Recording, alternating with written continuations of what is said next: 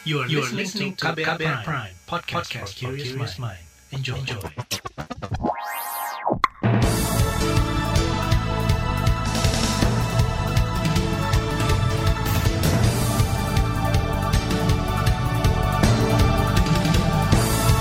Selamat pagi saudara, kita berjumpa lagi melalui program Buletin Pagi edisi Selasa 8 Desember 2020 bersama saya Eka Juli. Sejumlah informasi sudah kami siapkan, di antaranya pemerintah klaim vaksin COVID-19 buatan Sinovac aman. Front Pembela Islam atau FPI bantah baku tembak dengan kepolisian. Penilaian akhir sekolah untuk SD dan SMP di Aceh Utara ditunda akibat banjir. Dan inilah Buletin Pagi selengkapnya terbaru di Buletin Pagi. Saudara Badan Pengawas Obat dan Makanan atau BPOM mengklaim vaksin CoronaVac produksi perusahaan Sinovac Cina aman. Saat ini 1,2 juta dosis vaksin itu tiba di Indonesia dan disimpan di Bio Farma Bandung. Kepala BPOM Penny Lukito menyatakan pemerintah hanya akan memberikan vaksin yang bermutu, berhasiat, dan aman untuk masyarakat. Ya, dengan demikian kita memang harus menunggu dulu waktu sehingga bisa mendapatkan data yang cukup ya, dan Badan POM hanya akan memberikan emergency authorization apabila memang data yang dikaitkan dengan mutu, keamanan dan khasiat itu sudah cukup lengkap dan kami akan tentunya menganalisanya dengan uh, para uh, expertnya dan juga para uh, dokter-dokter ahlinya. Kepala BPOM Penny Lukito juga menilai vaksin tersebut diproduksi dengan baik. Hal itu disimpulkan berdasarkan kunjungan inspeksi BPOM ke China untuk memantau produksi Sinovac. Saat ini BPOM masih menguji aspek efektivitas vaksin buatan Sinovac itu. Sementara itu, Ketua Tim Riset Uji Klinis Vaksin COVID, Kusnadi Rusmil, mengakui uji klinis terhadap vaksin CoronaVac belum selesai dilakukan. Namun, kata dia, hasil uji klinis vaksin itu di beberapa negara lain membuktikan vaksin tidak berbahaya, seperti di Brazil, Turki, dan Uni Emirat Arab. Nah, soal keamanannya, mm -hmm. nah itu semuanya tidak ada yang mengeluh sampai hebat gitu ya. Jadi kami anggap ini sementara waktu aman ya. Hmm. Dan untuk efektivitas sampai sekarang sekarang kami belum dapat uh, memas bukan memastikan. Biasanya kami membandingkan antara yang dapat vaksin dan dapat placebo. Tapi hmm. ini kami baru uh, satu sampai tiga bulan dan itu belum terlihat. Ketua Tim Riset Uji Klinis Vaksin COVID-19, Rusnadi Kusmil juga menambahkan, uji klinis tahap pertama sudah dilakukan terhadap 1.620 relawan dan 1.610 relawan di tahap kedua. Jumlah relawan berkurang 10 orang karena ketidakhadiran mereka untuk diberikan suntikan kedua. Kusnadi memastikan tidak ada gejala negatif signifikan yang dirasakan para relawan. Kalaupun ada keluhan, hanya demam rendah saja. Terkait hal ini, Menteri Koordinator Bidang Pembangunan Manusia dan Kebudayaan Muhajir Effendi mengklaim pemerintah telah mengkaji faktor keamanan dan kehalalan vaksin CoronaVac sebelum didatangkan ke Indonesia. Kata dia, saat ini kehalalan vaksin tinggal menunggu fatwa dari Majelis Ulama Indonesia. Nah, kalau menurut kaidah fikih itu bisa masuk kategori al-dhararu yuzal atau al-dhararu tubikul makturat. Artinya sesuatu yang darurat itu harus dihilangkan apa pun caranya. Seandainya ya, mohon maaf ini seandainya tidak ada satupun vaksin di, di dunia ini yang berstatus halal, maka bukan berarti tidak boleh dipakai. Jadi walaupun itu statusnya tidak halal, kalau itu dimaksudkan untuk menghindari darurat, kegawat daruratan, maka itu wajib bukan hanya boleh, wajib digunakan. Itu tadi Menteri Koordinator Bidang Pembangunan Manusia dan Kebudayaan Muhajir Effendi. Namun, Direktur Lembaga Biologi Molekuler Ekman, Amin Subandrio, meminta pemerintah menunggu izin penggunaan darurat vaksin COVID-19 CoronaVac asal Sinovac Cina itu. Amin menegaskan, meski vaksin itu sudah datang, tapi keamanan dan efektivitasnya harus lebih dahulu dipastikan Badan POM tapi saya kira tidak langsung diberikan. Jadi kita masih menunggu adanya kemungkinan adanya emergency use authorization dari Badan POM untuk vaksin Sinovac ini sebelum bisa diberikan. Sedangkan izin edar yang tetap itu kemungkinan baru bisa diberikan setelah uji klinik fase 3 di Bandung itu selesai. Direktur Lembaga Biologi Molekuler Eijkman, Amin Subandrio juga menambahkan, izin penggunaan darurat dapat diberikan untuk vaksin yang belum selesai tahap uji klinisnya. Namun, tetap harus ada sejumlah syarat yang mendasari, antara lain situasi yang benar-benar darurat dan belum ada alternatif selain vaksin itu. Sementara itu, Menteri Kesehatan Agus Terawan Agus Putranto menegaskan, program vaksinasi nantinya akan diberikan kepada tenaga kesehatan, asisten tenaga kesehatan, dan tenaga penunjang. Mereka bekerja di fasilitas kesehatan di tujuh provinsi di Pulau Jawa dan Bali. Setelah itu dilanjutkan ke tenaga kesehatan yang ada di 27 provinsi di luar Jawa dan Bali serta daerah lainnya. Saudara pemerintah mencadangkan anggaran lebih dari 35 triliun rupiah untuk pengadaan vaksin COVID-19 pada tahun ini. Menteri Keuangan Sri Mulyani Indrawati mengatakan, pengadaan vaksin dilakukan melalui penugasan ke BUMN, yaitu PT Bio Farma, dan melibatkan seluruh lembaga di dalam dan luar negeri. Pengadaan vaksin COVID direncanakan akan berjalan hingga dua tahun ke depan. Pemerintah juga mengalokasikan dana untuk vaksinasi pada APBN 2021, nilainya 60 triliun rupiah. Saudara Front Pembela Islam FPI bantah baku tembak dengan kepolisian. Informasinya kami hadirkan sesaat lagi, tetaplah di Buletin Pagi. You're listening to KBR Pride, podcast for curious mind. Enjoy!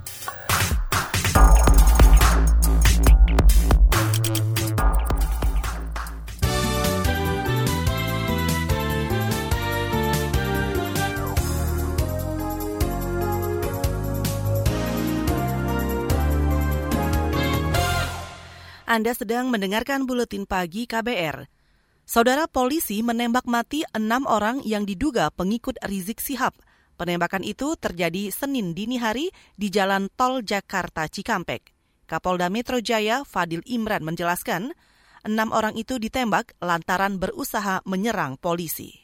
Dan ketika anggota Polda Metro Jaya mengikuti kendaraan yang diduga adalah pengikut MRS, kendaraan petugas dipepet, lalu kemudian diserang dengan menggunakan senjata api dan senjata tajam.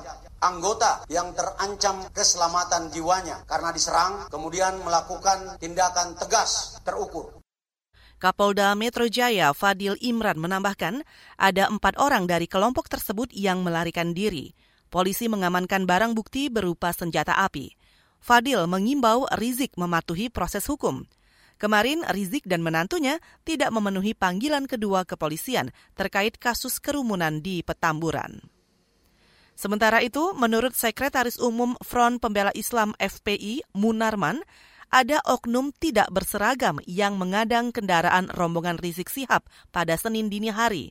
Saat itu, Rizik beserta rombongan hendak keluar Jakarta untuk mengadakan pengajian keluarga. Ini orang-orang tidak berseragam, berusaha memotong rombongan dan menyetop kendaraan. Nah, para pengawal tentu saja bereaksi untuk melindungi, ya, untuk melindungi Imam Besar Habib Rizik Sihab. Itu reaksi normal karena memang mereka bertugas untuk mengawal. Reaksi normal yang patut diberitahukan kepada teman-teman pers semua bahwa fitnah besar kalau laskar kita disebut membawa senjata api dan tembak menembak. Fitnah itu. Sekretaris Umum Front Pembela Islam FPI Munarman membantah terjadi tembak-menembak dengan aparat kepolisian. Karena itu, apabila aparat mengklaim menyita senjata api, Munarman mendesak dilakukan pengecekan nomor registrasi senjata dan pelurunya. Sementara itu, Komnas HAM tengah menyelidiki kasus ini. DPR juga meminta dibentuk tim untuk menginvestigasi peristiwa yang menewaskan enam orang itu. Kita ke soal pilkada. Badan Pengawas Pemilu atau Bawaslu mengidentifikasi lebih dari 49 ribu tempat pemungutan suara atau TPS memiliki kerawanan dalam 9 indikator. Komisioner Bawaslu Muhammad Afifuddin mengatakan, pemetaan kerawanan dilakukan 21 ribu TPS yang ada di 31 provinsi. Bentuk kerawanan itu antara lain lokasi yang sulit dijangkau dan menyulitkan penyandang disabilitas. Ketiga, penempatan TPS yang tidak sesuai dengan protokol kesehatan, misalnya di lokasi sempit, dalam ruangan, dan seterusnya, itu sejumlah 1.420. TPS terdapat pemilih tidak memenuhi syarat, jumlah yang kami temukan dari data yang kita tarik 14.534. Ini untuk menjadi perhatian kita Menurut Komisioner Bawaslu Muhammad Afifuddin, kerawanan TPS juga dinilai dari kendala jaringan internet dan aliran listrik. Kerawanan lainnya adalah soal penyelenggara yang terinfeksi COVID-19 dan penyelenggara pemilihan yang tidak dapat daftar atau login Sirekap saat simulasi. Beralih ke berita ekonomi. Bank Indonesia memperkirakan pertumbuhan ekonomi tahun depan 4,8 hingga 5,8 persen Menurut Gubernur Bank Indonesia Peri Warjio, pertumbuhan itu didukung pulihnya konsumsi masyarakat, peningkatan ekspor, dan investasi. Nilai tukar rupiah juga diyakini menguat hingga akhir tahun ini dan stabil pada tahun depan ada satu kondisi prasyarat yaitu adalah vaksinasi dan disiplin protokol COVID karena memang epicentrum permasalahan yang kita hadapi ini adalah COVID-19 dan alhamdulillah eh, pemerintah juga sudah eh, memesan eh, vaksin dan mulai insya Allah juga akan melakukan vaksinasi dalam waktu dekat. Gubernur Bank Indonesia Peri Warjio juga menyebut pertumbuhan kredit dan dana pihak ketiga diprediksi mencapai 7 hingga 9 persen pada tahun depan. Selain itu, ada lima kebijakan untuk memperkuat pemulihan ekonomi nasional. Di antaranya, pembukaan secara bertahap sektor yang produktif dan aman, serta percepatan realisasi stimulus fiskal. Saudara bantuan sosial atau bansos diberikan dalam bentuk uang tunai.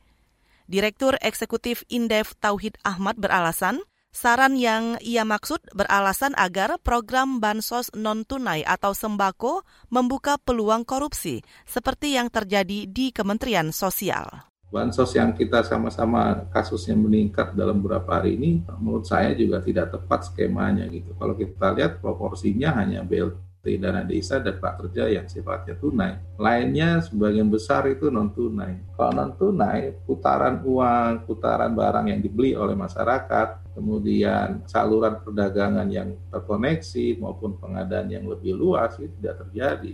Itu tadi Direktur Eksekutif Indef Tauhid Ahmad. Sebelumnya, KPK mengungkap dugaan korupsi bansos COVID di Jabodetabek. KPK menetapkan Mensos Juliari Batubara sebagai tersangka karena diduga menerima suap 18 miliar rupiah. Uang itu berasal dari biaya potongan Rp10.000 per paket bansos yang diberikan untuk warga.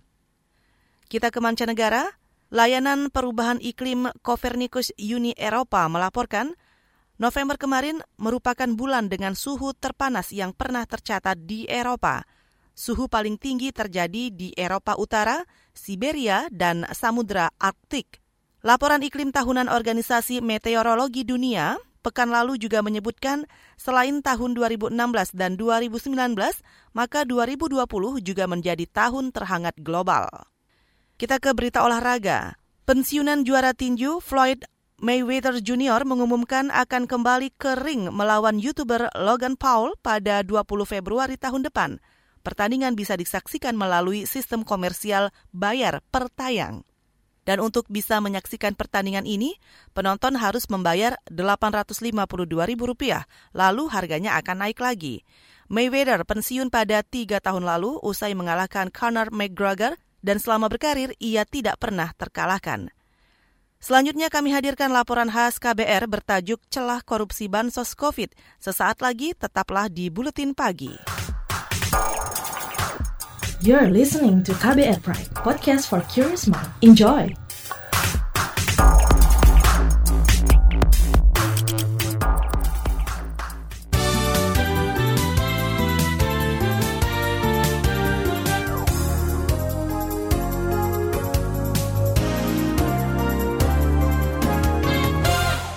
Anda masih bersama kami di Buletin Pagi KBR. Saudara Menteri Kabinet Presiden Joko Widodo kembali tersandung kasus rasuah. Kali ini Menteri Sosial Juliari Peter Batubara yang juga kader PDI Perjuangan. Belasan miliar rupiah anggaran bantuan sosial bagi warga terdampak pandemi ditilep masuk kantong pribadi. Sejak awal, berbagai kalangan sudah memperingatkan celah besar korupsi dalam mekanisme pemberian bansos COVID-19. Laporan selengkapnya disampaikan tim KBR yang dibacakan Reski Mesanto. Ilham ingat pahitnya hidup saat awal masa pandemi dulu. Derita sebagai penyandang disabilitas netra makin bertumpuk karena sumber penghasilannya ikut ambruk. Ia tak bisa lagi membuka jasa pijat, kedai kopi tempatnya bekerja sebagai barista pun kena imbas pembatasan sosial. Kala itu Ilham berharap mendapat bantuan sosial karena termasuk warga terdampak. Namun bantuan tak kunjung datang. Ya awal-awal mulai ada bantuan bansos itu kan biasa tuh RT keliling mintain fotokopi KTP. Nah tapi pas saat pembagiannya itu emang nggak pernah ada gitu. katanya bergilir tapi bingungnya pas tetangga kok udah bisa dua kali tiga kali saya belum gitu akhirnya ya saya coba colek-colek aja dinas sosial Warga Bogor, Jawa Barat ini mengunggah kegelisahannya di media sosial. Selang beberapa hari, pihak dinas sosial setempat mendatangi rumah Ilham dan berjanji memasukkan namanya dalam daftar penerima bansos sembako senilai Rp300.000 dari Kementerian Sosial. Bantuan itu benar dikirim saat Juni lalu, tetapi isinya hanya tersisa satu kantong beras saja. Itu juga beras aja sih, nggak kayak yang lain kan ada komplit tuh, yang ada satu paket kalau itu dapatnya beras aja yang 25 kilo. Ilham geram begitu mendengar ada kasus korupsi di program Bansos Kementerian Sosial. Tak tanggung-tanggung, nah kodanya langsung, yakni Menteri Sosial Julia Ribatubara yang jadi penggarong duit Bansos. Kalau bisa emang dia benar-benar korupsi ya hukum yang se itu simpel aja lah. Soalnya kan dia ngerasain juga nasib-nasib masyarakat yang di bawah ini gitu. Komisi Pemberantasan Korupsi atau KPK telah menetapkan Juliari dan pejabat lain di Kemensos sebagai tersangka. Politikus PDI Perjuangan ini diduga menerima 17 miliar rupiah dari anggaran bansos hampir 6 triliun. Penjelasan itu disampaikan Ketua KPK, Firly Bahuri. Diawali dengan adanya pengadaan barang berupa bantuan sosial dan rangka penanganan COVID-19 berupa paket sembako dengan nilai kurang lebih 5,9 triliun dengan total 272 kontrak untuk pi tiap paket bansos sebesar Rp10.000 per paket sembako dari nilai Rp300.000 per paket bantuan sosial. KPK ikut memantau penyaluran bansos dan menerima seratusan aduan hingga Desember ini. Hal serupa juga dilakukan lembaga anti korupsi ICW Hasilnya, ditemukan persoalan bansos di 11 daerah. Misalnya, warga tidak mendapat bantuan dan ada pengurangan jumlah bansos. Koordinator ICW Adnan Topan Husodo mengatakan, bantuan dalam bentuk barang memang rentan dikorupsi. Kenapa kalau bansos barang? Pertama, pemerintah yang menggelontorkan bantuan, para pejabatnya itu bisa main pihak ketiga atau vendor ketika membeli produknya. Beras yang harus dibagikan kepada masyarakat. Dan di sini potensi markupnya menjadi besar. Adnan mengklaim sejak awal ICW sudah mengusulkan agar bansos diberikan dalam bentuk uang tunai. Waktu itu kita usulkan supaya bansos untuk COVID itu modelnya semesta tunai. Artinya dia nggak perlu dalam bentuk barang karena juga cepat busuk. Kalau uang kan masyarakat akan bisa menghitung sendiri apa kebutuhannya. Oh jatah saya 500 ribu, kalau saya cuma terima 300 saya protes. Tapi kalau barang berasnya sama kok, saya dapat beras juga 2 kilo, tapi kualitasnya bisa turun kan. Kementerian Sosial memastikan akan terus melanjutkan program bansos bagi warga terdampak pandemi. Sekjen Kemensos Hartono Laras mengatakan, realisasi penyaluran bansos tahun ini sudah hampir 100% dari total 120-an triliun rupiah. Hartono berjanji bakal mengedepankan prinsip transparansi dan akuntabilitas dalam mengelola dana bansos. Sejak awal kami telah meminta aparat pengawasan intern pemerintah, baik yang ada di intern Kementerian Sosial dan juga aparat penegak hukum untuk melakukan pendampingan, pengawalan, tentu pengawasan atas pengelolaan anggaran bantuan sosial. Karena kami mengelola anggaran di tahun 2020 ini sangat besar. Sementara itu Presiden Joko Widodo kembali mengingatkan jajarannya dan juga Pemda berhati-hati dalam mengelola uang rakyat. Apalagi di tengah masa sulit, program seperti Bansos sangat dibutuhkan warga terdampak. Semua pejabat negara, baik itu menteri, gubernur, bupati kota, dan semua pejabat untuk hati-hati dalam menggunakan uang dari APBD kabupaten kota, APBD provinsi, dan APBN itu uang rakyat. Apalagi ini terkait dengan bansos bantuan sosial dalam rangka penanganan COVID dan pemulihan ekonomi nasional. Demikian laporan tim KBR, saya Reski Mesanto. Selanjutnya kami hadirkan informasi dari daerah. Tetaplah di Buletin Pagi. Commercial Break. Ita Biliana, psikolog dari Lembaga Psikologi Terapan UI, memberi pesan kepada teman-teman Broken Home untuk meraih masa depan yang terbaik terlepas bagaimana kondisi rumahmu, bukan kondisi orang tuamu, itu ya kamu adalah individu sendiri yang punya hak dan punya kemampuan untuk menentukan nanti ke depannya mau gimana gitu. Jadi apa yang terjadi di belakang kamu tuh it doesn't define who you are atau yes. who will you be gitu aja, who you will be. Simak obrolan selengkapnya dalam podcast Disco Diskusi Psikologi dalam episode Masa Depan Anak Broken Home di kbrprime.id dan platform mendengar podcast lainnya.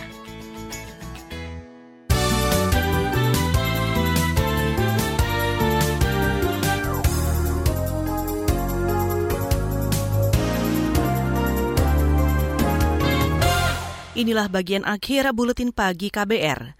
Saudara penilaian akhir sekolah semester ganjil tatap muka untuk SD dan SMP di Aceh Utara terpaksa ditunda sebab ada lebih dari 17.000 siswa terdampak banjir. Kepala Bidang Pembinaan Pendidikan Dasar Aceh Utara, Razali, menunda pelaksanaan PAS atau penilaian akhir sekolah ini hingga waktu yang belum ditentukan kita tidak bisa memprediksi kapan berakhir banjir. Kalau banjirnya sudah surut, sudah hmm. normal, maka sekolah tetap seperti biasa. Eh, yang penting kan siswa dan guru selamat dari musibah banjir. Sekolah kalau sudah mulai normal, ya kembali sekolah seperti biasa. Kepala Bidang Pembinaan Pendidikan Dasar Aceh Utara, Razali, juga menambahkan, banjir menggenangi 73 SD dan SMP di beberapa kecamatan semisal Kecamatan Samudra, Tanah Luas, Baktia, dan Lapang. Sejak akhir pekan lalu, Aceh Utara dan Aceh Timur dilanda banjir. Banjir disebabkan curah hujan tinggi yang ketinggiannya hingga 2 meter. Saudara tiga kelompok masyarakat akan mendapat prioritas vaksinasi COVID-19 di Jawa Barat. Menurut Gubernur Ridwan Kamil, ketiga kelompok itu di antaranya adalah tenaga kesehatan serta warga di zona merah yakni Kabupaten dan Kota Bogor, Kota Depok, serta Kabupaten dan Kota Bekasi, juga Kota Bandung. Kami belum ada arahan dari pemerintah pusat jatahnya berapa. 500 ribu, sejuta, satu setengah juta kita belum tahu. Tapi urutan kita kalau pakai SAF ya, SAF pertama itu tenaga kesehatan. SAF keduanya TNI Polri, SAF ketiga adalah mereka di zona merah. Pemerintah Provinsi Jawa Barat juga menyiagakan 11 gudang, maksud kami 11 gedung milik pemerintah dan 4 hotel sebagai ruang isolasi perawatan. Hal ini untuk mengantisipasi semakin penuhnya keterisian tempat tidur di sejumlah rumah sakit rujukan COVID-19. Saudara Mabes Polri kemungkinan besar memperpanjang operasi Tinombala di Sulawesi Tengah. Operasi tahap keempat ini sedianya akan berakhir akhir tahun ini. Juru bicara Mabes Polri Awi Setiono mengatakan, operasi akan diperpanjang untuk memburu Ali Kolara dan kelompok Mujahidin Indonesia Timur yang hingga kini belum tertangkap. Sebelumnya, Ali Kalora dan kawan-kawan diduga sebagai dalang teror keji di Kabupaten Sigi akhir November lalu. Saat itu, beberapa orang tak dikenal mendatangi pemukiman warga lalu membunuh empat orang serta membakar sejumlah rumah. Saudara informasi tadi mengakhiri kebersamaan kita di Buletin Pagi hari ini. Pantau juga informasi terbaru melalui kabar baru, situs kbr.id, Twitter kami di @beritaKBR, serta podcast di kbrprime.id. Saya Eka Juli bersama kerabat kerja yang bertugas undur diri. Salam.